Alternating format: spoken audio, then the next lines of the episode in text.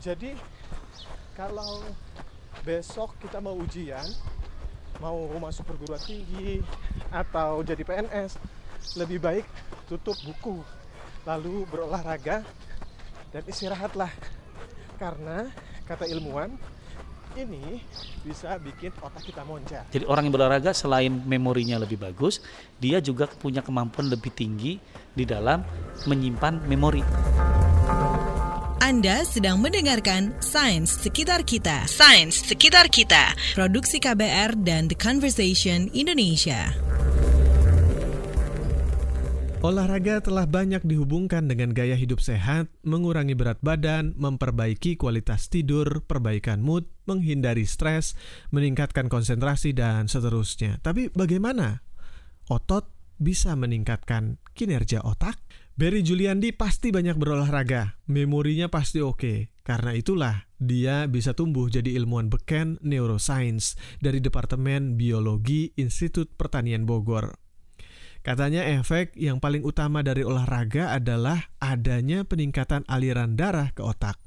Aliran darah inilah yang membawa nutrisi dan bahan-bahan kimiawi yang teramat penting untuk otak. Darah ini membawa bahan-bahan yang sangat berguna bagi tipe sel tertentu di otak kita yang kita sebut dengan nama sel punca atau kalau bahasa sehari-harinya disebut stem cell.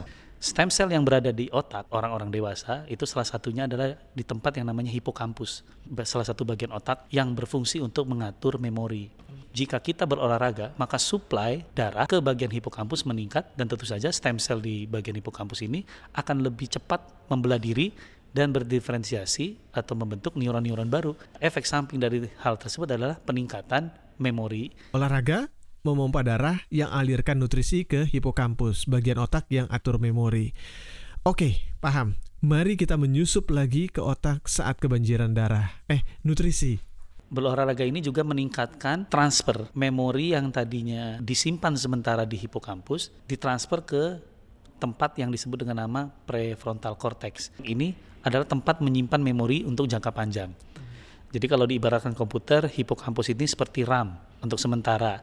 Apakah ini akan disimpan di hard disk? Itu tergantung daripada kegiatan kita.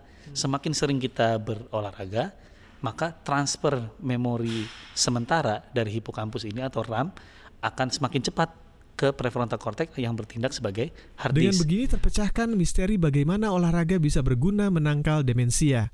Situs US National Library of Medicine National Institute of Health punya segepok riset bertema olahraga dan dampak positifnya. Misalkan pada kemampuan belajar bahasa, kemampuan konsentrasi pada anak dan remaja sekolah, pencegahan demensia, metabolisme energi, pengurangan stres, dan kreativitas.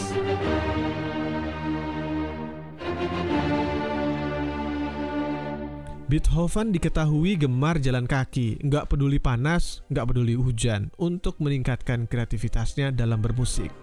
Demikian juga sastrawan kelas berat macam Charles Dickens dan penyair William Wordsworth.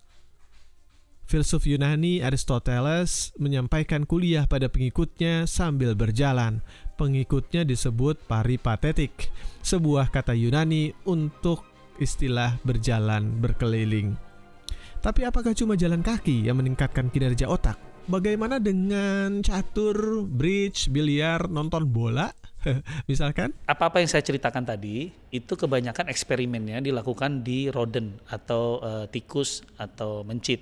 Mereka memiliki kecenderungan untuk berlari. Mereka diberi uh, perlakuan dengan yang kita sebut dengan nama running wheel hmm. atau roda yang bisa berputar. Jadi apa-apa yang banyak disimpulkan mengenai efek daripada exercise itu adalah dari aktivitas berlari. Tentu saja bukan hanya berarti hanya lari yang penting buat manusia, tapi di sini yang kita bisa lihat adalah olahraga-olahraga yang membuat atau berhubungan dengan aerobik yang meningkatkan oksigen, pernapasan gitu ya. Yang mirip-mirip dengan berlari itu misalnya kan bermain sepak bola, main basket, misalnya atau bersepeda. Oke, sudah jelas, bukan main kartu, main catur atau melihat orang berolahraga. Riset mutakhir menyebutkan menyelingi pelajaran dengan 20 menit latihan aerobik ringan dapat meningkatkan konsentrasi pelajar. Riset dilakukan Tatske Altenburg dan kawan-kawan dari Institute for Health and Care Research VU University Medical Center Belanda pada 2015. Pada anak-anak berusia 10 sampai 13 tahun. Kita sebut di dalam ilmu neuroscience ada yang namanya brain plasticity atau plastisitas otak. Manusia yang masih muda itu jika terus dirangsang dengan exercise atau olahraga, maka stem cell-nya akan terus berkembang sehingga bisa menimbulkan neuron-neuron baru yang punya network atau jaringan ke berbagai neuron lain sehingga otaknya akan lebih baik dibanding yang sudah dewasa di mana jaringan-jaringan sarafnya sudah sudah ada yang berikatan mungkin hanya bisa meningkatkan tidak seperti waktu e, muda. Jadi apa tipsnya biar otak kita cemerlang? Olahraga tadi membuat transfer dari hipokampus ke prefrontal cortex menjadi cepat. Itu terjadinya ketika istirahat. Sebagai analogi, mungkin sama dengan orang kalau mau jadi binaragawan. Kalau ingin membesarkan bicep, maka angkatlah barbel sebanyak-banyaknya. Padahal itu salah kita cukup mengangkat misalnya 10 kali. Setelah itu kita istirahat, makan banyak protein. Otot itu membesar bukan saat kita mengangkat barbel. Itu hanya intervensi saja supaya otot membesar. Pembesaran otot terjadinya justru ketika kita tidur atau istirahat. Sebenarnya begitu, sama dengan otak. Ketika sudah distimulasi dengan exercise, kita belajar, lalu kita harus istirahat atau tidur. Justru kalau kita belajar terus-menerus, malah tidak betul. Pada fase istirahat itulah justru terjadi peningkatan memori. Jadi kalau besok mau ujian atau kepingin belajar lebih baik lagi, jangan belajar terus.